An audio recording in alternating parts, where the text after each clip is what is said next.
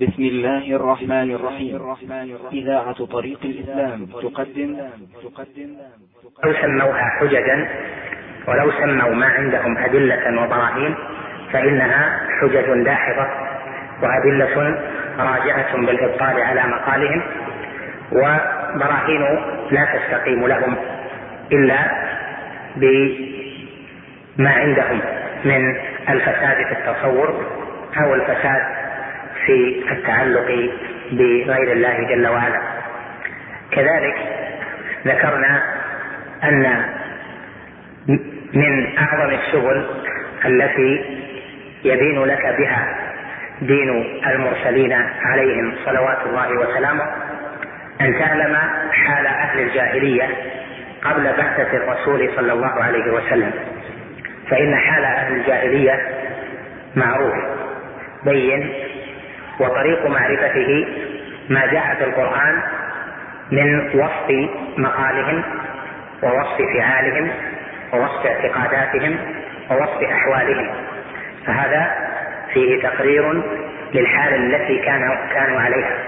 كذلك من سبل معرفة ما كانوا عليه من الأحوال والاعتقادات الباطلة معرفة أشعار العرب لأن فيها ما كانوا عليه.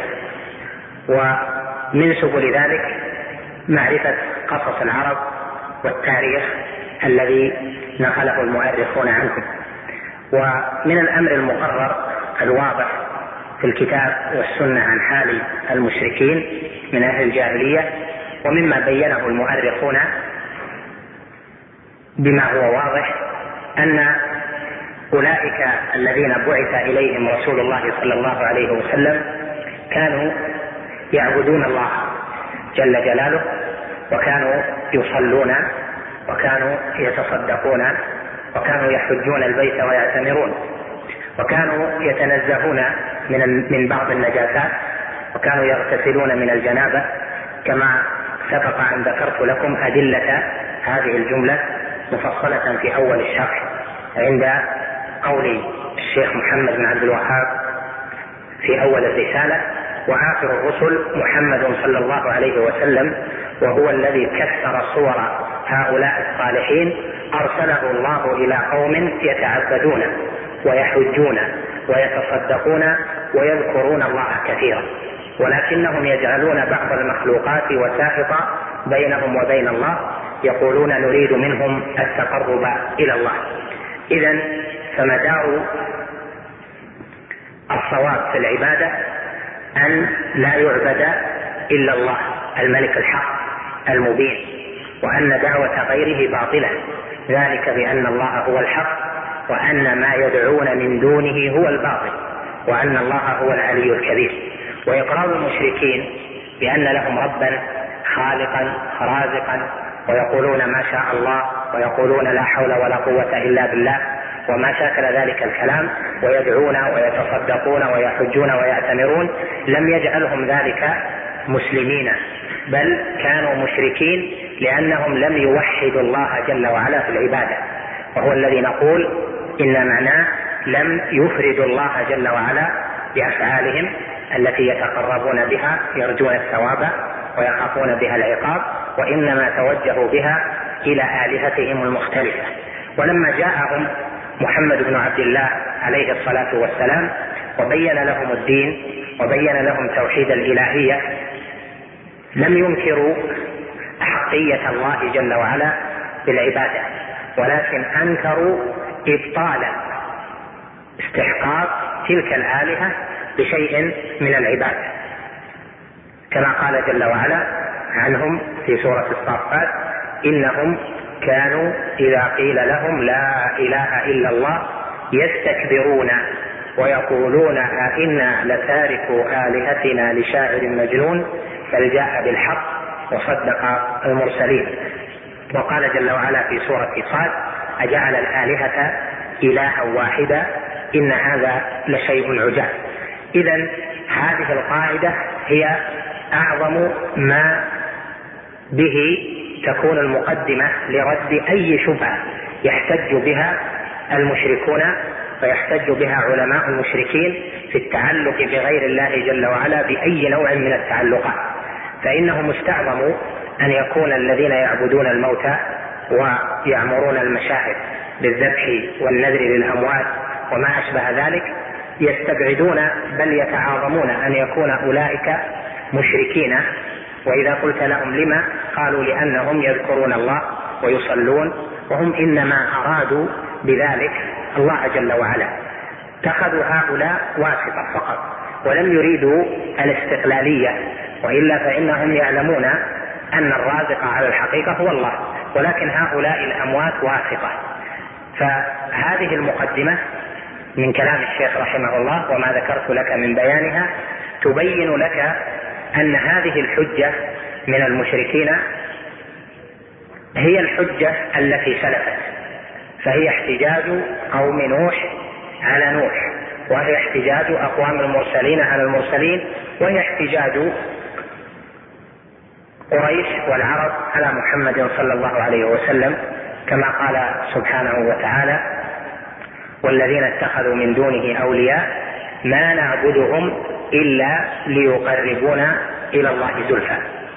إذا عرفت أنهم إنما أرادوا الواسطة عرفت أنهم كانوا مقرين بتوحيد الربوبية مقرين بأنه لا خالق إلا الله ولا رازق إلا الله ولا يحيي ولا يميت إلا الله جل جلاله وأنهم كانوا يذكرون الله ويتعبدون ويصلون الصلاة على حسبها ويحجون ويعظمون البيت وربما كان من بعضهم إخبات وإنابة لكن لما لم يكونوا مفردين الله جل وعلا بالعبادة قاتلهم محمد صلى الله عليه وسلم.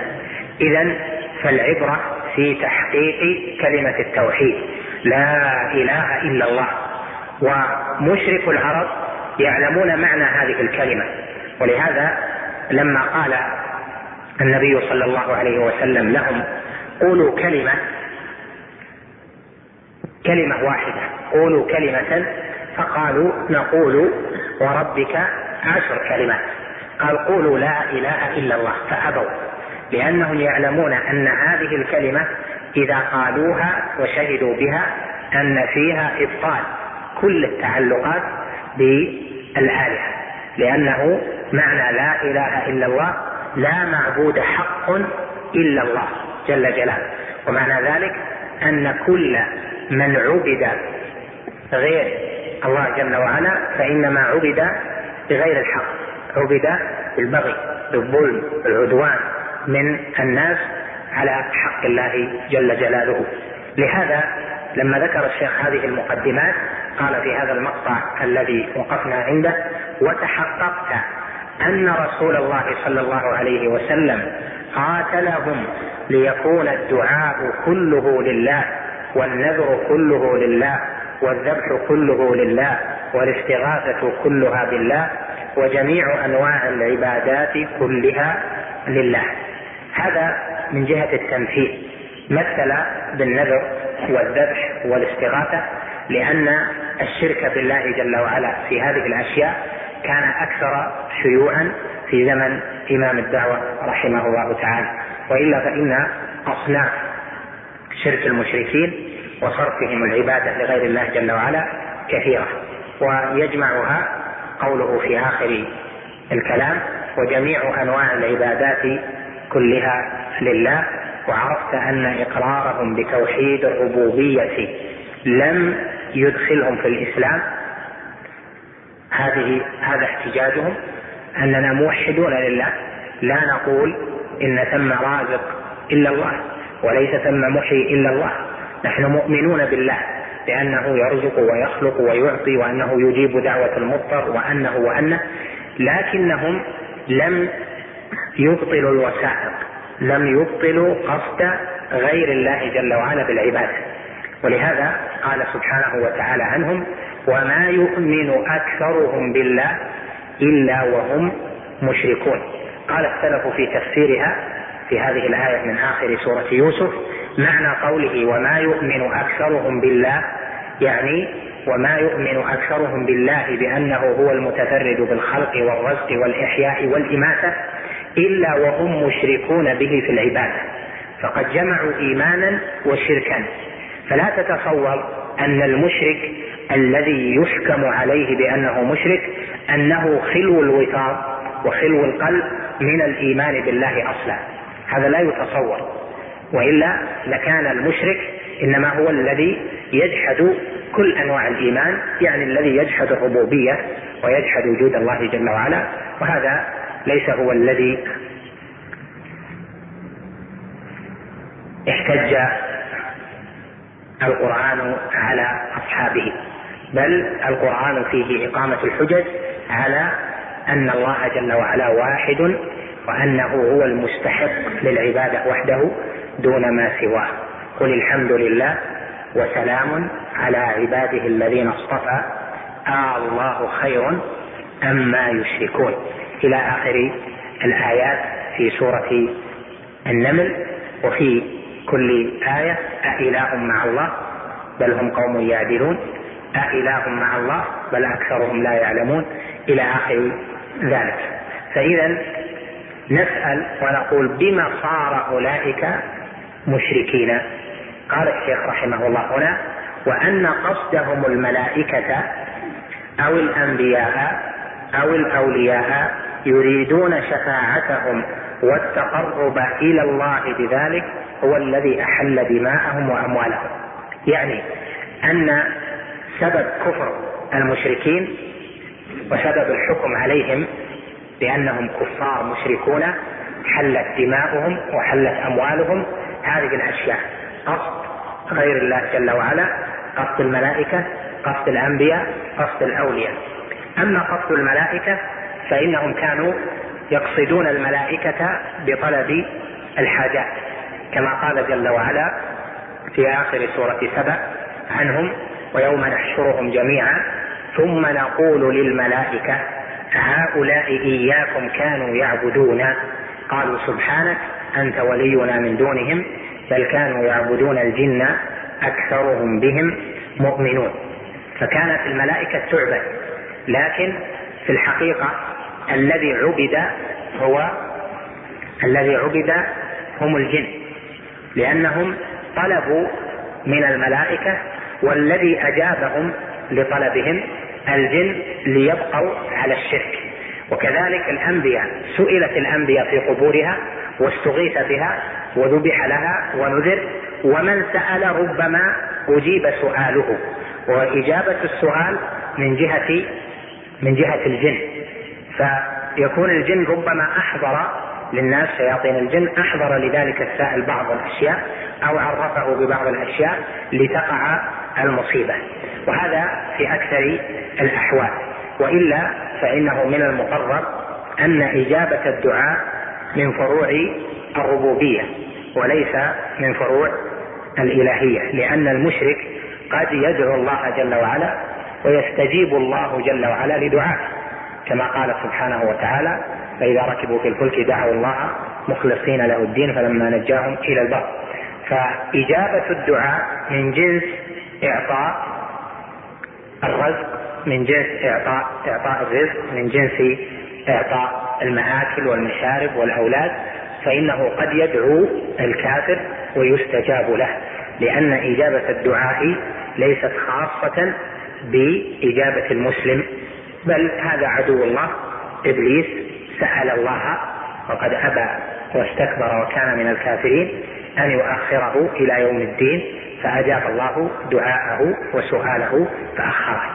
فإذا فهنا حينما يسأل نبي من الأنبياء أو يسأل ولي من الأولياء عند القبر فيجاب السؤال أو يحصل له ما طلب. فسبب حصول ما طلب أحد شيئين. الأول أن يكون شياطين الجن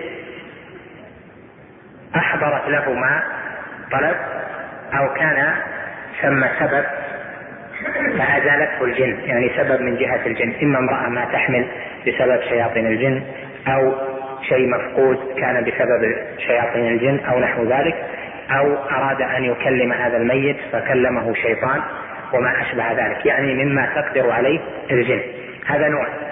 والنوع الثاني أن يكون سأل متوسطا بصاحب القبر لكنه قام بقلبه حين السؤال اضطرار وحاجة ملحة فأجاب الله جل وعلا السؤال لأجل الاضطرار. والله جل وعلا أطلق إجابة المضطر فقال سبحانه أمن يجيب المضطر إذا دعاه فالمشرك إذا كان مضطرا يجاب ولو كان في سؤاله بعض الشرك لأنه يكون هنا غلب عليه جهة الاضطرار ولهذا حقق العلماء أن إجابة سؤال المشرك عند القبر ليس السر فيه القبر كما يقوله المشركون. وإنما يكون ثم شيء آخر إما جهة شياطين الجن وإما أمر آخر قام بالقلب منه مثلا الاضطرار وإنزال الحاجة والانكسار بين يدي الله جل وعلا. فيظن الظان أن سبب إجابة الدعاء بركة القبر وإنما هو من جهة ما قام بالقلب من الاضطراب لأن إجابة الدعاء من فروع الربوبية والربوبية ليست خاصة بمسلم دون كافر. إعطاء الأرزاق ليس خاصا بالموحدين بل يعطي الله جل وعلا الجميع. كما قال جل وعلا في جواب سؤال إبراهيم قال ومن كفر فأمتعه قليلا ثم أضطره إلى عذاب النار وبئس المصير. قال وأن قصدهم الملائكة أو الأنبياء. الأنبياء قصدتها العرب وقصدها المشركون من أهل الملل. عبد موسى وعبد عزير وعبد المسيح من دون الله جل وعلا. وقصد أولئك لأجل الوساطة لأجل التقرب إلى الله جل وعلا بهم. فصار من قصدهم مشركا حلال الدم والمال لا لأنه طلب منهم استقلالا ولكن لأنه طلب منهم بالوساطة. قال أو الأولياء. والأولياء أشرك بهم كما قال جل وعلا أفرأيتم اللات والعزى ومناة الثالثة الأخرى. قصدوا هؤلاء الملائكة والأنبياء والأولياء يريدون ماذا؟ هل قصدوهم يعني العرب يريدون أن أن يجيب هؤلاء استقلالا أم قصدوا أولئك بالعبادة يريدون الوساطة يريدون الزلفى يريدون الشفاعة؟ قال الشيخ رحمه الله هنا يريدون شفاعتهم والتقرب إلى الله بذلك. إذا فشرك الأولين من جهة الوساطة. شرك قوم نوح من جهة التوسط بالصالحين. وشرك قوم إبراهيم من جهة التوسط بما زعموه روحانية للكوكب. وشرك العرب فيه هذا وفيه هذا وإن كان الغالب عليه أنه شرك بالصالحين.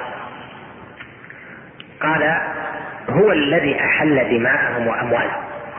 إذا مع كونهم يقرون بالربوبية ومع كونهم يتعبدون ولهم أذكار ونحو ذلك لكن لما قصدوا غير الله بالعبادة ولو كان على جهة التوسط فإن ذلك أحل دماءهم وأموالهم. لأن عندنا مقدمة يقينية ونتيجة متيقنة.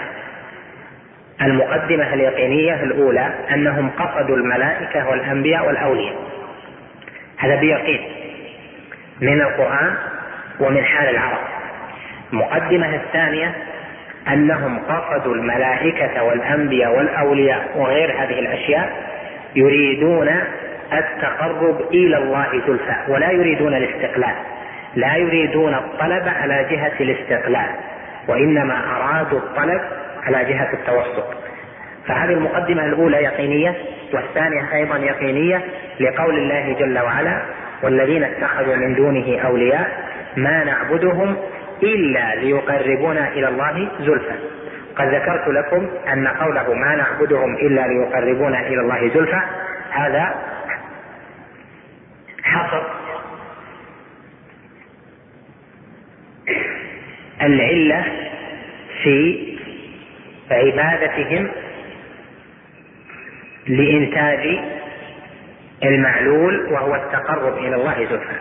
يعني أنهم ما توجهوا لهم لأجلهم بذاتهم ولكن لأجل أن يوصلوهم إلى الله جل وعلا.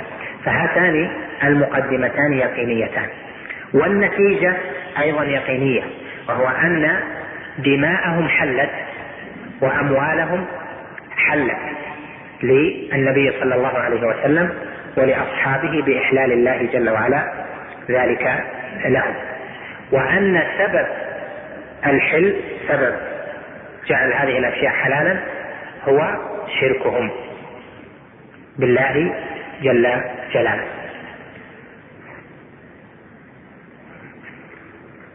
قال بعد ذلك عرفت حينئذ التوحيد الذي دعت إليه الرسل.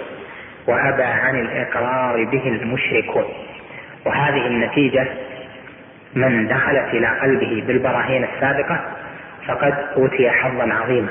لأن الشبهة التي إذا تكسرت في البداية فما بعدها أهون أن يتقرر ما ذكرنا وأن يبطل استبعاد شرك المشرك لأجل أنه يصلي أو يزكي أو يحج أو يعتمر أو أنه يذكر الله أو أو إلى آخره.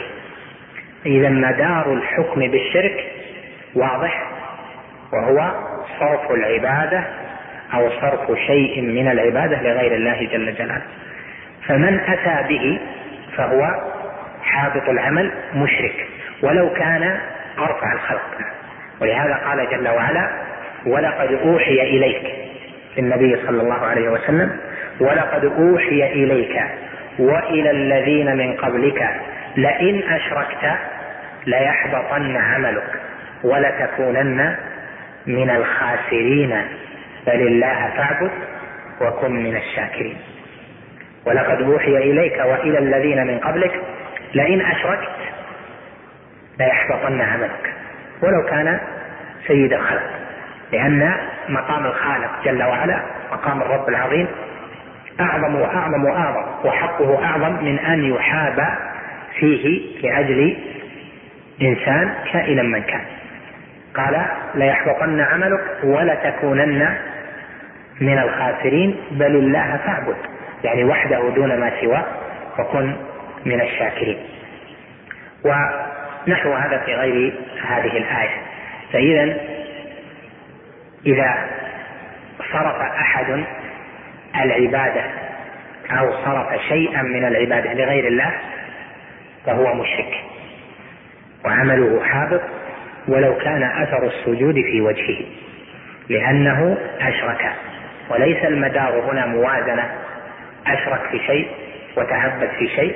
ولو كانت الموازنة هنا قائمة بين السيئات والحسنات كما في حال الموحد فإنها يكون ثم موازنة في حال المشركين.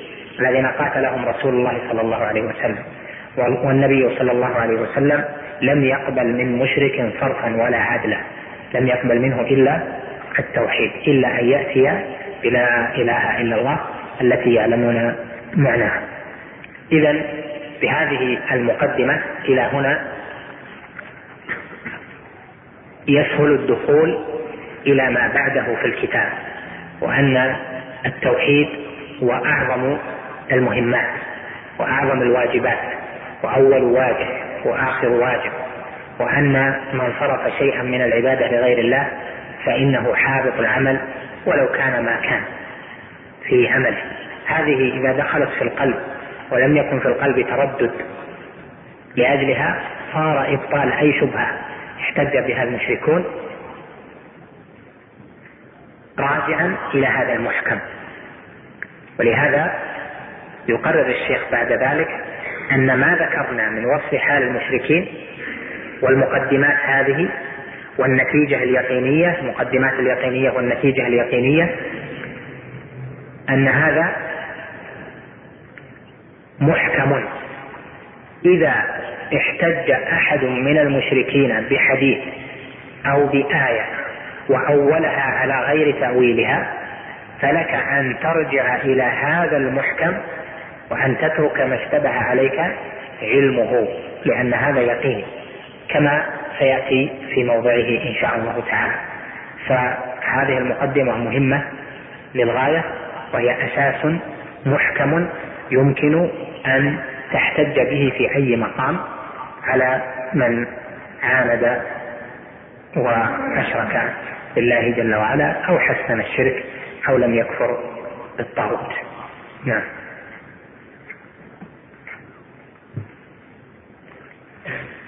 قال الإمام رحمه الله تعالى وهذا التوحيد هو معنى قولك لا إله إلا الله فإن الإله عندهم هو الذي يقصد لأجل هذه الأمور سواء كان ملكا أو نبيا أو وليا أو شجرة أو قبرا أو جنيا. لم يريدوا أن الإله هو الخالق الرازق المدبر فإنهم يعلمون أن ذلك لله وحده كما قدمت لك وإنما يعنون بالإله ما يعني به المشركون في زماننا بلفظ السيد فأتاهم النبي صلى الله عليه وسلم يدعوهم إلى كلمة التوحيد وهي لا إله إلا الله والمراد من هذه الكلمة معناها لا مجرد لفظها والكفار الجهال يعلمون أن مراد النبي صلى الله عليه وسلم بهذه الكلمة هو إفراد الله تعالى بالتعلق والكفر بما يعبد من دون الله والبراءة منه فإنه لما قال لهم قولوا لا إله إلا الله قالوا أجعل الآلهة إلها واحدا إن هذا لشيء عجاب. فإذا عرفت أن جهال الكفار يعرفون ذلك فالعجب ممن يدعي الإسلام وهو لا يعرف من تفسير هذه الكلمة ما عرفه جهال الكفار. بل يظن أن ذلك هو التلفظ بحروفها من غير اعتقاد القلب لشيء من المعاني والحاذق منهم يظن أن معناها لا يخلق ولا يرزق إلا الله ولا يدبر الأمر إلا الله فلا خير في رجل جهال فلا خير فلا خير في رجل جهال الكفار أعلم منه بمعنى لا إله إلا الله. ما قال رحمه الله وهذا التوحيد هو معنى قولك لا إله إلا الله. هذا التوحيد الذي سبق بيانه وهو إفراد الله جل وعلا بالقصد بالذبح بالنذر بالاستغاثة بجميع أنواع العبادة. هذا هو التوحيد وهو معنى لا إله إلا الله. لأن كلمة لا إله إلا الله مشتملة على نفي وعلى إثبات. فالنفي بلا هو الإثبات بإلا والذي نفي بلا هو استحقاق العبادة أو أن يكون ثم إله حق غير الله جل وعلا. فلا إله إلا الله معناها لا معبود حق إلا الله لأن كلمة إله هذه معناها معبود. و هذا هو المعروف في العربية وهو المعروف في حال العرب أيضا لأن إله هذه فعال بمعنى مفعول مثل فراش بمعنى مفروش وأشباه ذلك وبناء بمعنى مبني فإله بمعنى مألوه وأله يأله إلهة معناها عبد يعبد عبادة مع الحب والتعظيم. فإذا يكون معنى الألوهية العبودية ومعنى توحيد الألوهية توحيد العبودية توحيد الإلهية توحيد العبادة. ويكون معنى الإله المعبود. ولهذا اسم الله الذي ترجع إليه أو تجتمع فيه صفات الكمال الله